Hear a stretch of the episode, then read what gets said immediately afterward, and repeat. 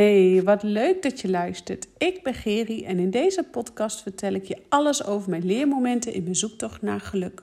Vertel ik je over mijn fuck-ups als ondernemer, moeder en vrouw en deel ik je mijn momenten en inzichten op het gebied van persoonlijke ontwikkeling en spiritualiteit, zodat jij je ook gaat ontwikkelen tot de vrouw die jij wilt zijn. 17 jaar lang heeft mijn leven in de teken gestaan van anorexia en bulimia en was het gewoon pikken donker in mijn leven.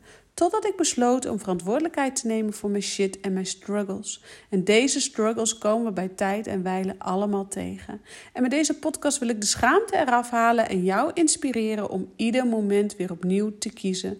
Want ieder moment is een nieuw moment. Rise up, jij krachtige, prachtige vrouw die je bent. En vandaag wil ik het met je hebben over keuzes maken, keuzestress.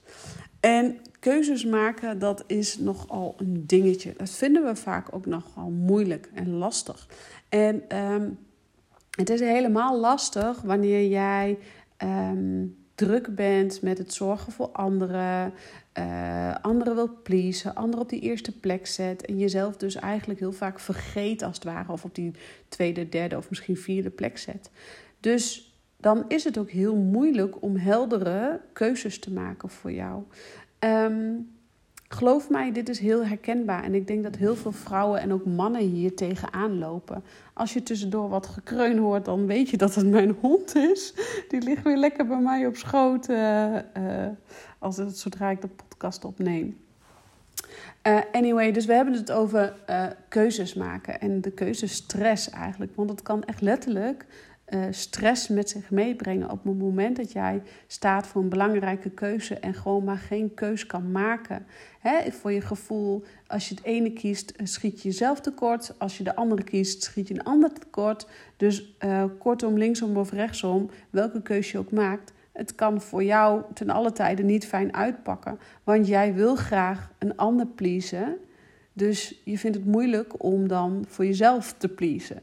Nou, ik zal je zeggen, gaandeweg de laatste jaren heb ik mezelf steeds meer leren op zetten. En nogmaals, dat lukt me echt niet uh, altijd. En ook heel vaak ook niet. Um, en dan uh, kom ik ook voor die keuzestress weer te staan. En dat is soms best pittig. En um, waarom ik dit met je deel, is ook omdat ik het onlangs zelf ook heb ervaren hoe um, moeilijk het kan zijn om een goede keus te maken die past bij je gevoel en past bij je hart. Ondanks dat je eigenlijk diep van binnen al wel weet dat je die keus moet maken, maar hem toch niet durft te maken. Um, en daarnaast is het iets wat eigenlijk al mijn één op één klanten, um, ja, waar zij voor ook bij mij komen. Want vaak ben je daar niet eens van bewust, maar je hebt bepaalde dromen, je hebt bepaalde verlangens. En um, je hebt niet het idee dat dat haalbaar is of realiseerbaar. En dat komt omdat. Um, nou, stel je wil jezelf uh, krachtig voelen en je wil jezelf uh, mooi voelen en je wil bepaalde doelen behalen in volgend jaar. Maar uh, jij, hè, de, je ziet, sorry, je ziet dus dat er een gat is tussen waar jij je nu bevindt en daar waar jij wil zijn, daar waar jij naar verlangt. Dat uh, krachtige lichaam, uh, die fijne gedachten, die droombaan, die, die eigen business, weet ik veel wat het is waar jij naar verlangt. Doordat dus de brug te groot is, jij niet het einddoel goed kunt zien, of kun je ook de tussengelegen stappen die je moet nemen niet zien.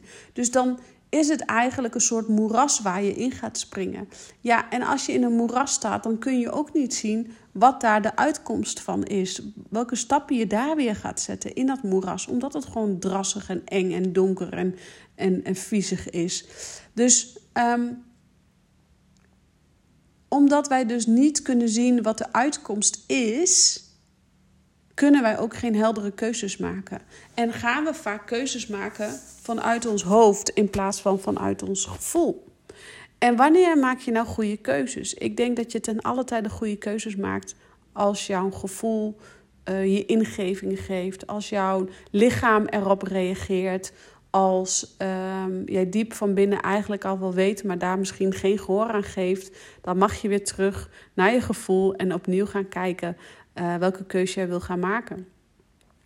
En um, ik deel dit dus met je omdat ik weet dat heel veel mensen hiermee kampen. Hè, met het maken van keuzes en de stress die letterlijk de keuze met zich mee kan brengen. En geen keuze maken is prima, alleen het houdt je op de plek waar jij je nu bevindt. En keuzes maken, letterlijk echt kiezen voor A of voor B of voor C of voor D, het feit als je een keus maakt, gaat jou altijd voorwaarts brengen. En misschien is het niet een goede keuze en denk je achteraf: shit, had ik maar. Dan heb je daarvan geleerd. Dus ben je wel voorwaarts gegaan en heb je ervan geleerd. Maar voor hetzelfde geld is het een keuze waarvan je mega blij wordt. En denk je: oh yes, ik heb een goede keus gemaakt. Maar dat kun jij niet voelen op het moment dat de keus moet vallen. Of moet maken. Dat kan pas, dat kun jij pas voelen. De uitkomst kun je pas voelen op het moment dat de keus is gemaakt. En als je daarna nog weer twijfelt of terugkabbelt, herken, eh, geloof mij, ik herken hem ook.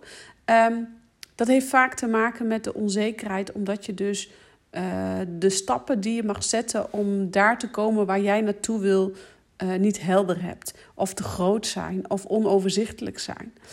En nou, ik ga even een voorbeeld met je delen om het, om het helder te geven. Ik heb uh, een paar maanden geleden de, uh, mijn praktijkruimte, de huur opgezegd van mijn praktijkruimte. En um, ja, ik vond dat echt de moeilijkste beslissing van heel mijn uh, ondernemerscarrière. Um, alsof ik al tien jaar bezig ben of zo. Maar um, laat ik het zo zeggen hoe dat komt. Want ik als klein meisje droomde al van om ondernemer te worden. Ik wist gewoon later word ik ondernemer. En dat komt misschien ook. Mijn vader is altijd ondernemer geweest. Mijn broer is ondernemer geweest. Dus ik kom ook een beetje uit de ondernemersfamilie.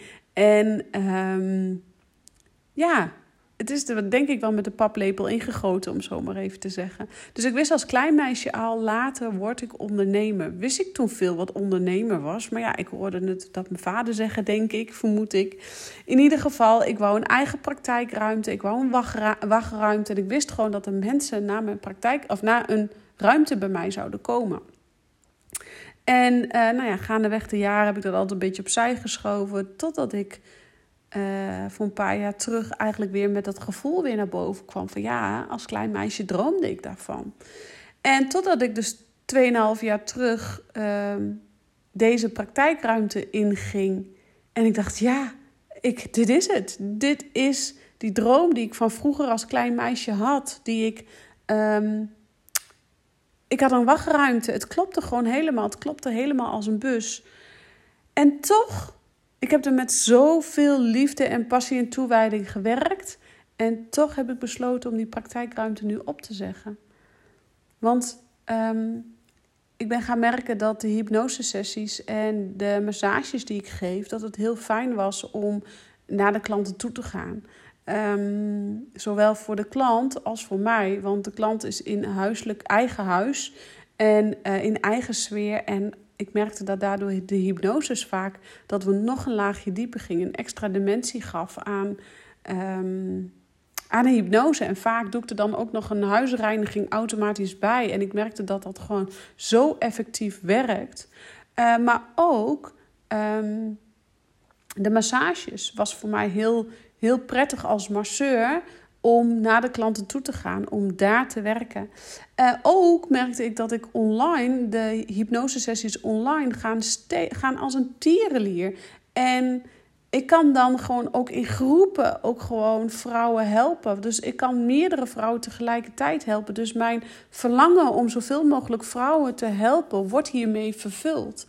En toen dacht ik, ja, ik ben bijna niet meer in de praktijkruimte. Dus het moet het moet veranderen, het moet stoppen, het mag anders.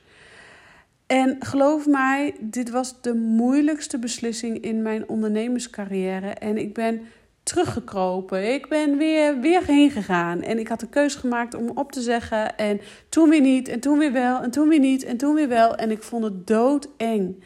En ik vond het zo eng. Ik was zo bang om de verkeerde keus te maken, omdat ik als klein meisje had gedroomd van die praktijkruimte. Dus hoe kon ik het nu opzeggen? Maar tegelijkertijd voelde ik dat ik online meer vrouwen tegelijkertijd kon helpen, waardoor ik mijn droom uitkomt om zoveel mogelijk vrouwen uh, krachtig, energie en plezier in het leven te geven. En dan, nou snap ik hem ook, want ons brein die kan dus niet zien. We trekken een deurtje open. We staan voor een keuze, we trekken een deurtje open, maar we kunnen nog niet zien wat daar achter die drempel ligt. En daarom is het zo spannend om een keuze te maken. Daarom stellen we keuzes ook graag uit. Um, omdat wij dus niet kunnen zien wat het ons oplevert. Maar laten we eerlijk wezen, als wij direct zien wat het oplevert, dan hebben wij geen keuzes meer te maken. En dan is het leven ook gewoon mega saai. Als jij al weet wat er op jouw pad komt, wat er voor jou uh, in de toekomst ligt. Als jij iedere stap die jij gaat zetten al precies weet wat je moet gaan doen. Ja, heel eerlijk, dan worden we allemaal luie flikkers van heb ik jou daar omdat we dan gewoon geen uitdaging meer voelen. We voelen geen drive, we voelen geen spanning. En we zijn die spanning nodig. We zijn die angsten nodig om van te leren. Eh, ze zeggen wel eens: wie geen angst heeft, heeft geen leven. En ze zeggen ook wel eens: angst is een slechte raadgever. Ja, angst kan inderdaad een slechte raadgever zijn. Maar nogmaals, als jij geen angst voelt of angst ervaart, heb jij ook geen leven. Want dan voel jij geen drang om te ontwikkelen? Voel je geen drang voor nieuwe dingen? Uh, voel je geen drang om persoonlijk te groeien? Dus we zijn spanning en angsten nodig om daar te komen waar wij naartoe willen. dus vaak is ons doel waar we naartoe willen niet helemaal helder. Of uh, is het misschien uh, verkeerd neergezet, waardoor de brug daartussen te slaan tussen waar jij je nu bevindt en daar waar jij naar verlangt, uh, te groot lijkt. Of waardoor de stappen te groot lijken. Of waardoor um, het jij niet gewoon helder hebt welke stappen jij te zetten hebt. En dan uh, maken we de keuze maar niet. Dan stellen we de keuze uit. Dan um, nemen we het maar niet. Of krabbelen we inderdaad, zoals ik ook heb gedaan, krabbelen we maar weer terug. Omdat dus je doel niet helder was. En um, de keuze is nu, ik ben definitief uit de praktijkruimte en uh, ik merk dat me dat um, enerzijds heel veel lucht geeft. En omdat dit is wat ik heb gevoeld dat ik dit moest doen voor een paar maanden geleden. En waarom het dus zo'n struggle was, was omdat ik mij, uh, nou ook graag uh, een collega van mij, een lieve vriendin van mij, uh, verder wou helpen. Maar ook omdat ik um, ergens nog gevoel had, ik moet in die praktijkruimte. Want mensen denken, ik heb een, een afspraak bij Geri en dat is in een praktijkruimte. Dus ik hield mij vast aan een plaatje wat eigenlijk niet meer diende. En door die los te laten, want dat was mega eng. Want geloof mij, jouw brein zit hier tussen te tetteren. Jouw brein die vindt hiervan alles van. Um, maar jouw brein die is liever, uh, die houdt je liever klein en ongelukkig en veilig. Dan misschien angstig nieuwe stappen zetten, uit je comfortzone gaan en misschien juist heel veel meer geluk opleveren. Dus um, ja, ik vond het spannend. Ja, ik vond het eng. Maar um, ik wist diep van binnen wel dat ik deze stap moest zetten. En hoe moeilijk ook. Dus um, ja, de reden waarom ik dit dus met je deel is dat ik je wil laten voelen en laten inzien dat het dus zo belangrijk is om uh, keuzes te maken. Want keuzes zetten, uh, houden jou in beweging. Keuzes maken zorgt ervoor dat je voorwaarts gaat. Voorwaarts naar dat doel of verlangen wat jij voor ogen hebt. En dat kan je dus alleen maar doen op het moment dat je keuzes maakt. Dus keuzestress is letterlijk uh, eigenlijk hele goede stress. Maar zorg ervoor dat je niet te lang in een bepaalde keuze zit, want dan wordt de stress echt negatieve stress en dan gaat de stress in je lichaam zitten. Dus keuzes maken, keuzestress en ga eens kijken welke keuzes jij op dit moment te maken hebt. En ga eens kijken of jij de keuze nu niet maakt omdat jij uh, lekker even in een veilige haven wil blijven. Dat is helemaal prima. Maar weet dan dat als je geen keuze maakt er niets verandert in je leven en jij misschien op dezelfde plek blijft uh, hè, waar je nu bent, en dat is helemaal prima. Maar dan komt er altijd weer een moment dat je weer opnieuw voor die keuze staat. En weer opnieuw voor die keuze. En weer opnieuw voor diezelfde keuze. Net zolang totdat jij de keuze hebt gemaakt. Want het universum zegt: als jij geen keus maakt, nou, dan sturen we hem later op een nieuw moment weer opnieuw. Dat je alsnog weer een keus mag maken. Dus weet dat jij ten alle tijde keuzes moet maken. Want keuzes maken zorgt ervoor dat jij gaat groeien. Groeien als vrouw, groeien als ondernemer, groeien als moeder. Groeien naar de vrouw, die krachtige, prachtige vrouw die jij van binnen bent en die jij graag wilt zijn. Dus wees je ervan bewust dat je ieder moment opnieuw kan kiezen. Want ieder moment is een nieuw moment. Rise up, jij krachtige, prachtige vrouw. En ik dank je weer voor het luisteren. En ik zeg succes met keuzes maken en ciao voor nu.